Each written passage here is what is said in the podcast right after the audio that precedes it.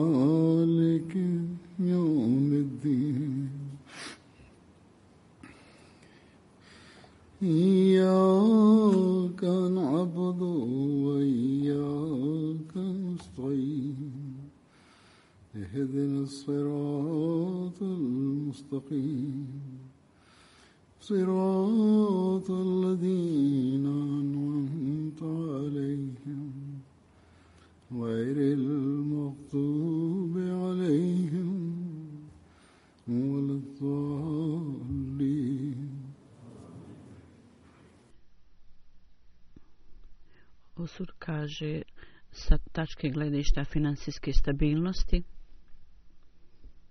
Španija u, se ubraja u manji finansijski stabilne zemlje u Evropi.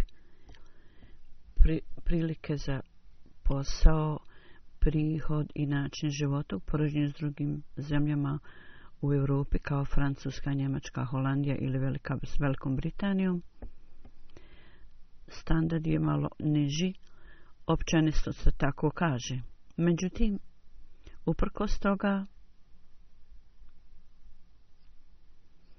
u poređenju s Pakistanom, financijsko stanje tamo za one koji dolaze iz Pakistana, njihova financijska situacija ovdje je mnogo bolja i zato mnogi pakistanci vezano za svoj posao i također za druge, radi drugih poslova, oni dolaze ovdje.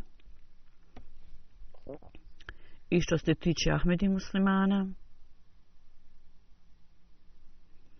oni koji izađu iz Pakistana, koji dolaze iz Pakistana, doni, oni izlaze iz Pakistana, dolaze iz Pakistana kao turisti, najveći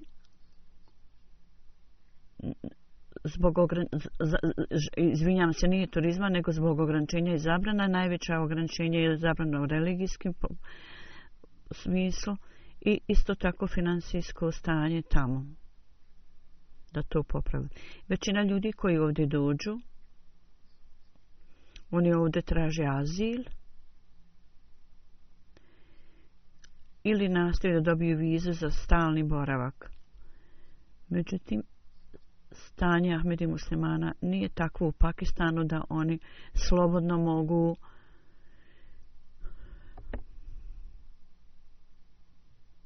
proglasiti, proglašavati svoju vjeru i da u, sa, u skladu sa svojom vjerom možemo proglasiti da smo muslimani i da možemo činiti ibadet ili religijske sve obredeni. To nije moguće za njih tamo. Neki ljudi kad spomenu svoje stanje i predstavlje, drugi, predstavlje ga drugima, neki, neki ljudi međutim pravi određene priče, izmišlja određene priče da to predstave drugima. Manje više u evropskim zemljima oni to rade, a šta je razlog za to? Ja mnogo puta sam spomenuo. I pišite istinske činjenice, istinske stvari i proganjanje koje se tamo provodi u ime religije, samo se usredočite na to. i recite da je to teško za vas i stavlja vas u religijsko i mentalni pritisak. I to je stalno, stalno mučenje također. Dakle, općanito uprava vlade i također na sudu oni to razumiju i shvate, shvataju.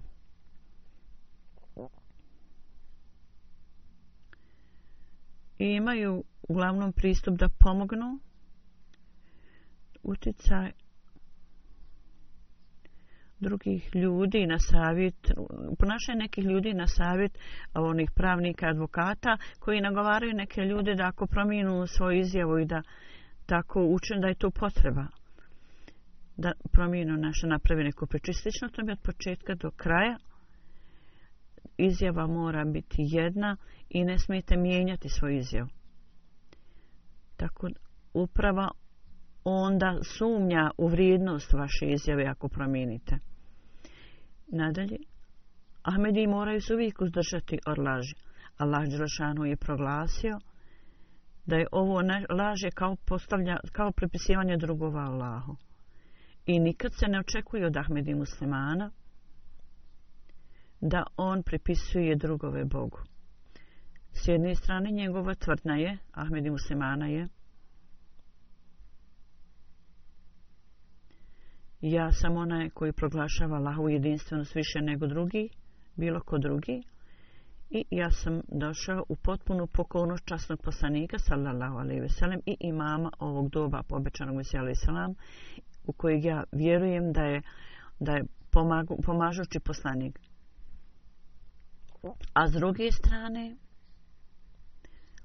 od ovog fund, temeljnog grijeha,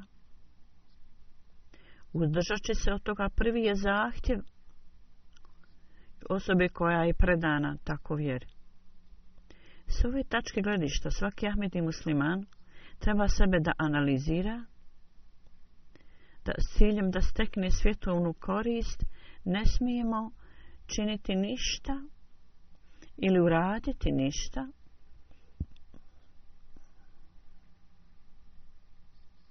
što nas čini griješnim Allahovim očima. Kao što sam rekao, kad ciljem da očuvamo svoju vjeru i ciljem da budemo čvrsto utemeljeni u svojoj religiji,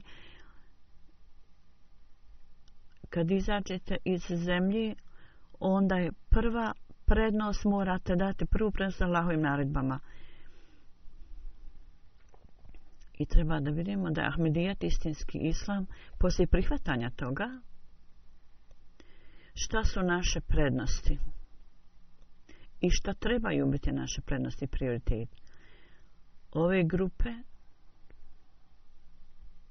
one ne rade u skladu sa Allahovim naredbama.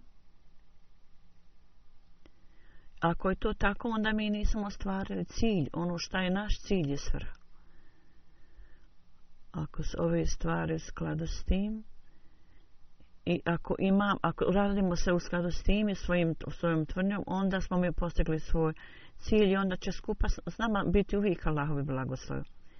Ako temelje na laži i da steknemo svjetovne koristi, ako smo dali taj prioritet i prednost, onda ne možemo naslijediti Allahove blagoslove ako ne slijedimo to što smo obećali što su Allahove naredbe. Oni koji vjeruju da je Allah potpuno jedan i koji obožavaju ga i bazit mu čine, nikada ne pripisuju drugove Allahu Đerlašanu.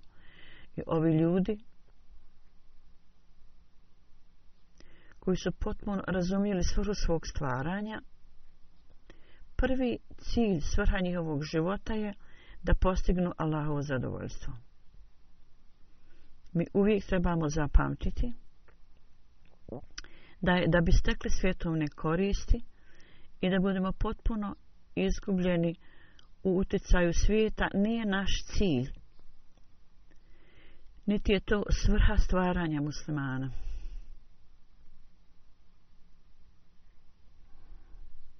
Ako mi s ciljem da zadovoljimo Allah Đalešanhu,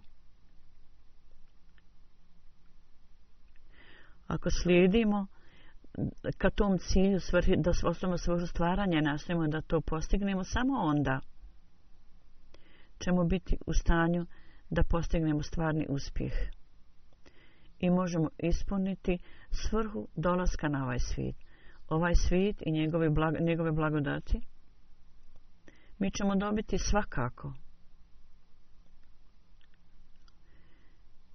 Allah Đelešanuhu da je i u, u, uz duhovne blagodate, ali ne lišava ljude ni, ni ovih blagoslova ovog svijeta. Oni koji traže lahve, lahlo zadovoljstvo, on također dobija svjetovne koristi. Allah nas je pučio dovi. Allah kaže, molite mene da biste stekli blagoslove i na ovom životu i, i blagoslove ahireta. To je Rabbena Atina Fidunija Hasanetana Befelahi Deti Hasanan Vekina Azabena. I obećana Mesija Ali Isalam u pogledu toga kaže Osoba za svoje dobro ima potrebu za dvije stvari. Jedna je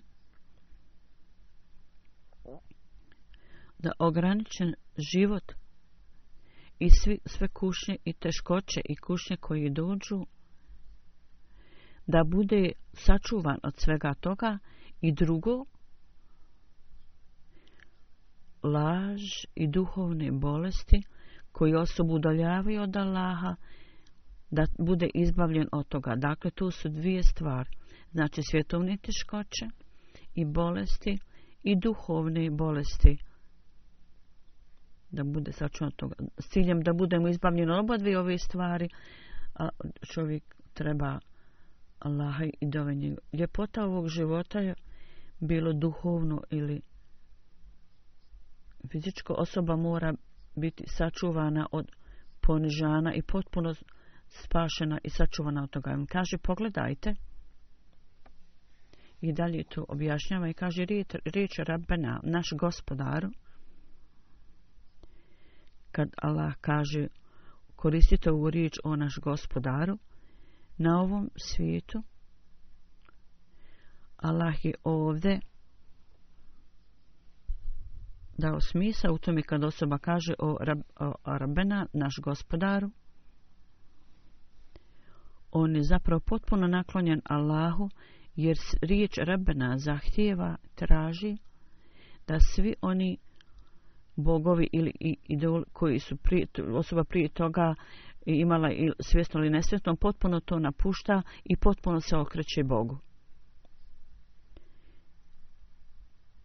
Ova riječ ne može doći iz usta osobe vjernika koji u to ne vjeruje. I kad on kaže rabena o naš gospodaru, onda ovo dolazi, treba dolaziti iz dubine njegovog srca.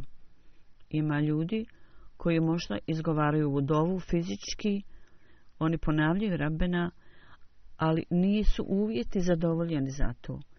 Ako osoba ne obavlja nama sa potpunom predanošću i s takvim stanjem srca, onda, onda ta, ta riječ ne zgovara, ne zgovara kako treba. Uprotivno, ako osoba zaista iskrena i iz čistine srca izgovara to i kaže ova riječ ne može istinski doći iz srca osoba ako on zaista nije njegovo srce ispunjeno predanošću ljubavi prema Allahu. I kaže, ljudi imaju svoje vlastite neke e, bogove i idole, imaju svoje vlastite taktike, planove i ovise o tome. Neko ima znanje i moć neku i oni to u, u, u, svjesno ili nesvjetno uzimaju kao i svoje bogove. Ili se ljudi e, hvališu svojom ljepotom. To je također onda uh, kao Bog kod osobe koju ona stavlja prednost. I to su sve dijela i ponašanja ljudi. Ukoliko čovjek napusti sve ove stvari i ne okrene se jednom jedinom Bogu, koji nema druga i potpuno se ne pokori njemu, ukoliko o, sve do, do, do tog stanja osoba ne može izgovoriti ovu riči iz dubine svog srca sa određenim vrstom bolu, ljudi koji ponavljaju ovu riječ, riječ rabena, obično mi se ja kaže, ka, ako istinski izgovarate ovu riječ, onda u, va, u vašem srcu je određeni bol i, i, od, i kao da duša se topi i onda osoba ka, izgovara tu riječ rabena i potpuno vjeruje da priziva, priziva jednog jedinog boga koji nema druga. Samo onda, u, ako je takva situacija, onda on vjeruje u Boga da je jedini gospodar, rab. Tako on kaže, kad ovakvo duhovno stanje uz nemirenosti i bola bude u osobi, onda Allah sluša kad takva osoba izgovara, o moj gospodaru, ti si moj gospodar i moj Bog.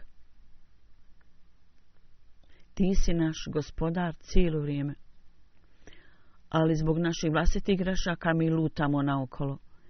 Sada ja sam odbacio sve ove lažne idole, napustio sam sve i istinski proglašavam, istinski da si ti moj gospodar i moj Bog i ja tebi dolazim i obraćam se tebi.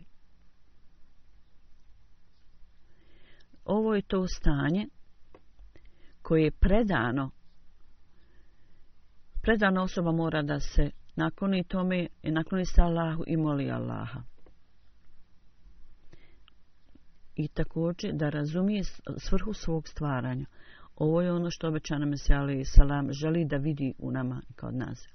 Kad mi pozivamo Allah tako i kad, kako treba pozivamo Allaha, onda će dobre stvari iz ovog svijeta i dobro i ovog svijeta i drugog svijeta biti s nama uz nas.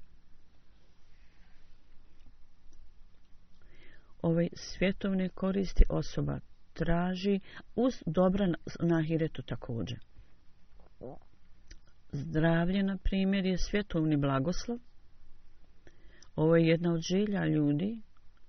Ako ljudi moli Allaha za zdravlje, jer ako je osoba zdrava, onda može činiti i badit kako treba.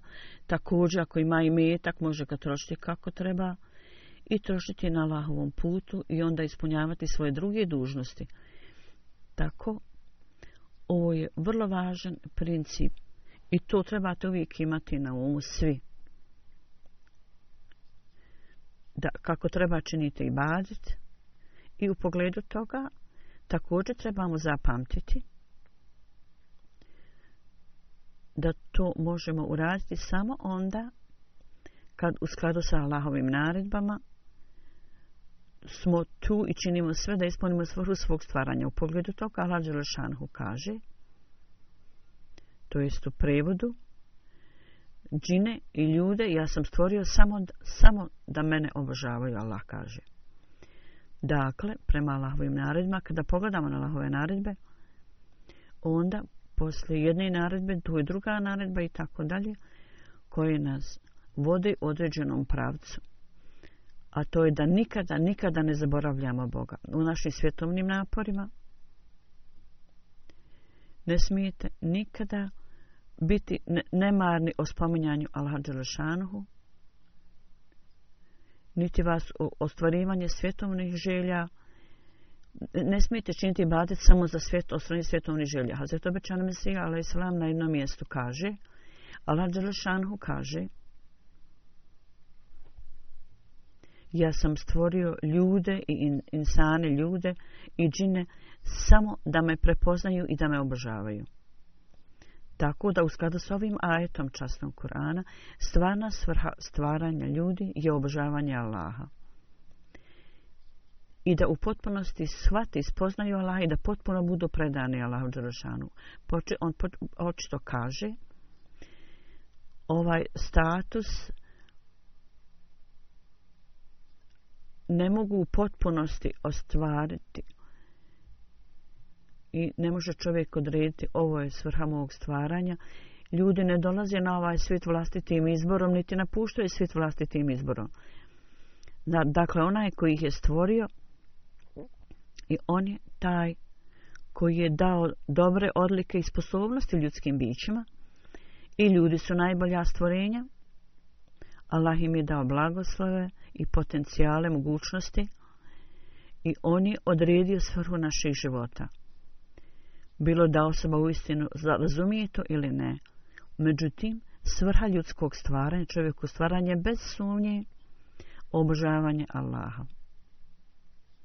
I u potpuno svatanje o Allahu i da potpuno budemo izgubljeni u ljubavi prema Allahu. Zato, kad ljudi imajući ovaj cilj pred sobom, onda postanu isti, kad, onda postoji istinski vjernici i koristi blagoslovi svijeta, to postaju sredstva za njegovo sticanje zadovoljstva Allahovog.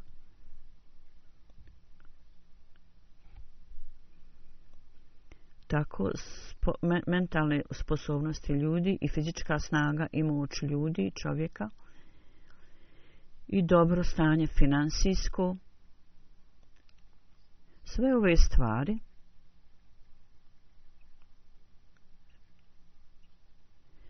i izumi no, modernog novog doba, od svih ovih stvari, ove stvari ne smiju čovjeka učiniti nemarnim prema svom cilju i svrhu.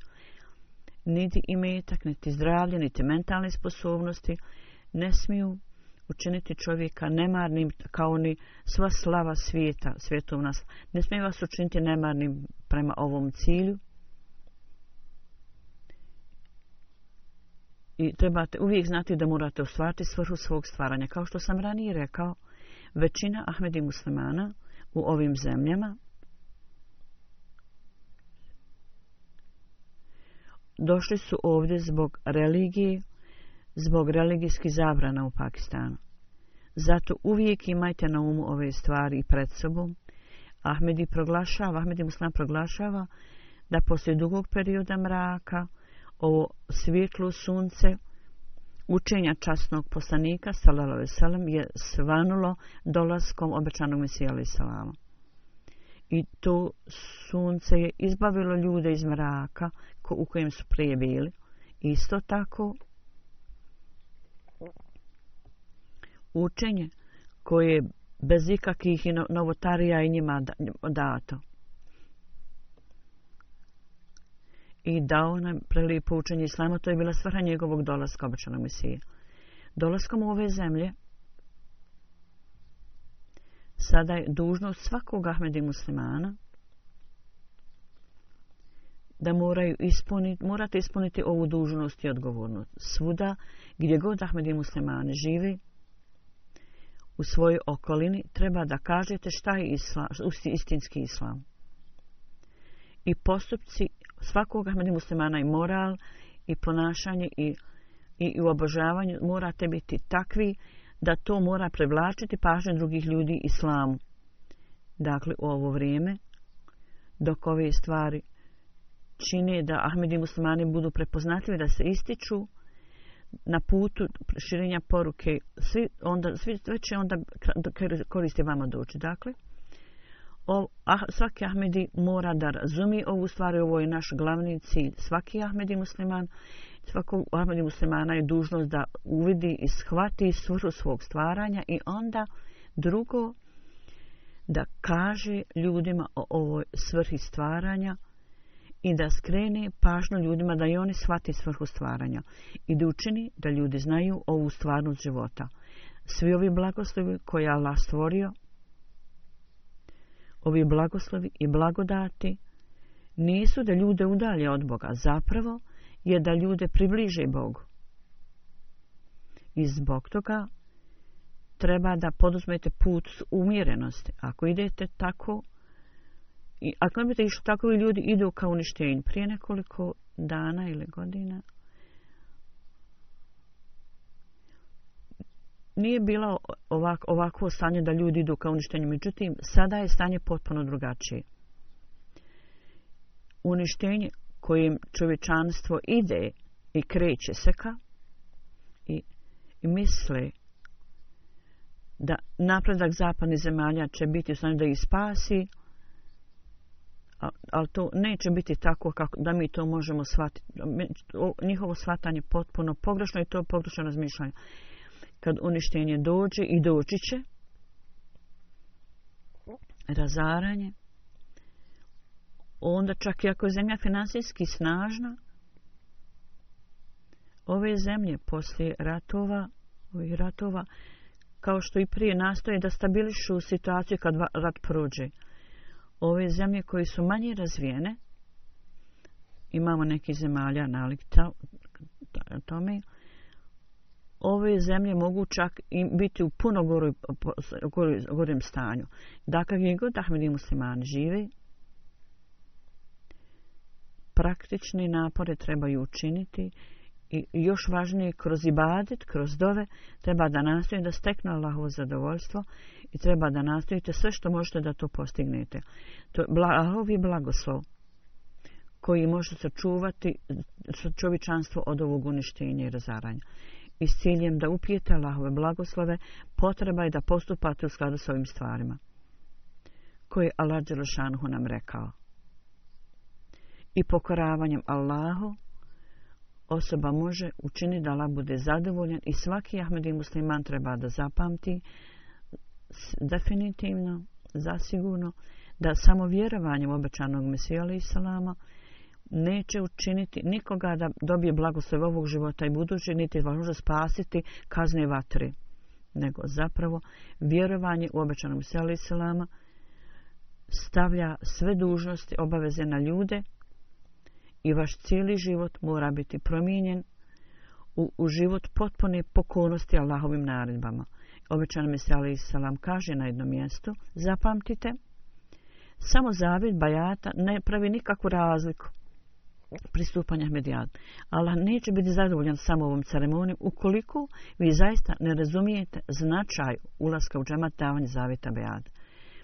I to je taj zavjet nije, ist, nije pravi ukoliko ne, ne svetite njegov značaj. Neophodno je da ispunite stvarni cilj bajata zavjeta. Šta je taj cilj? On kaže to je da steknete odlike bogobojaznosti. Učite časni Kur'an s punom brigom i pažnjom i zamislite se nad tim. I onda postupajte u skladu s tim. Jer ovo je Allahova tradicija sunnet. Allah Đelšanhu nije zadovoljan samo učiniti jednostavnim prividnim riječima i postupcima.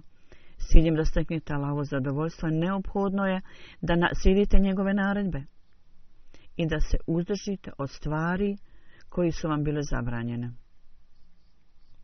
Ovo je tako jednostavna stvar, vrlo jednostavna stvar da vidimo, da čak ljudi nisu zadovoljni prividnim samo stvarima, su zadovoljni ako ih neko samo služi niti su zadovoljni time. On kaže istinski muslimani i lažni muslimani, to je razlika između jednih i drugih. Lažni muslimani puno govore, ali ne rade puno. I u poređenju s tim, istinski musliman pokazuje kroz svoje postupke i ne, ne hvališe se ničim. Kad Allah Đelešanhu kaže, kad osoba čini ibadet radi mene i meni i ljubazene prema ljudima, i slijedi Allahove nadbe, Allah mu daje blagoslove i Allah je obećao da će napraviti razliku između pra istinskih i lažnih muslimana. Tako, zato je odgovorno svih nas da treba da nastavimo da postanemo istinski Ahmedi muslimani.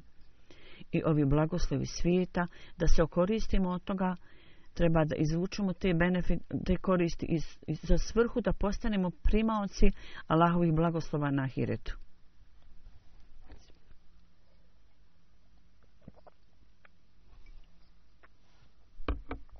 trebamo ispunjavati dužnosti prema ovim blagoslovima. I ovi ljudi koji treba da koji su morali napustiti zemlju i došli su ovdje, oni moraju kako treba držati se ovi učinja i Allahovi naredbi da nas sala sve osposobi da tako učinimo.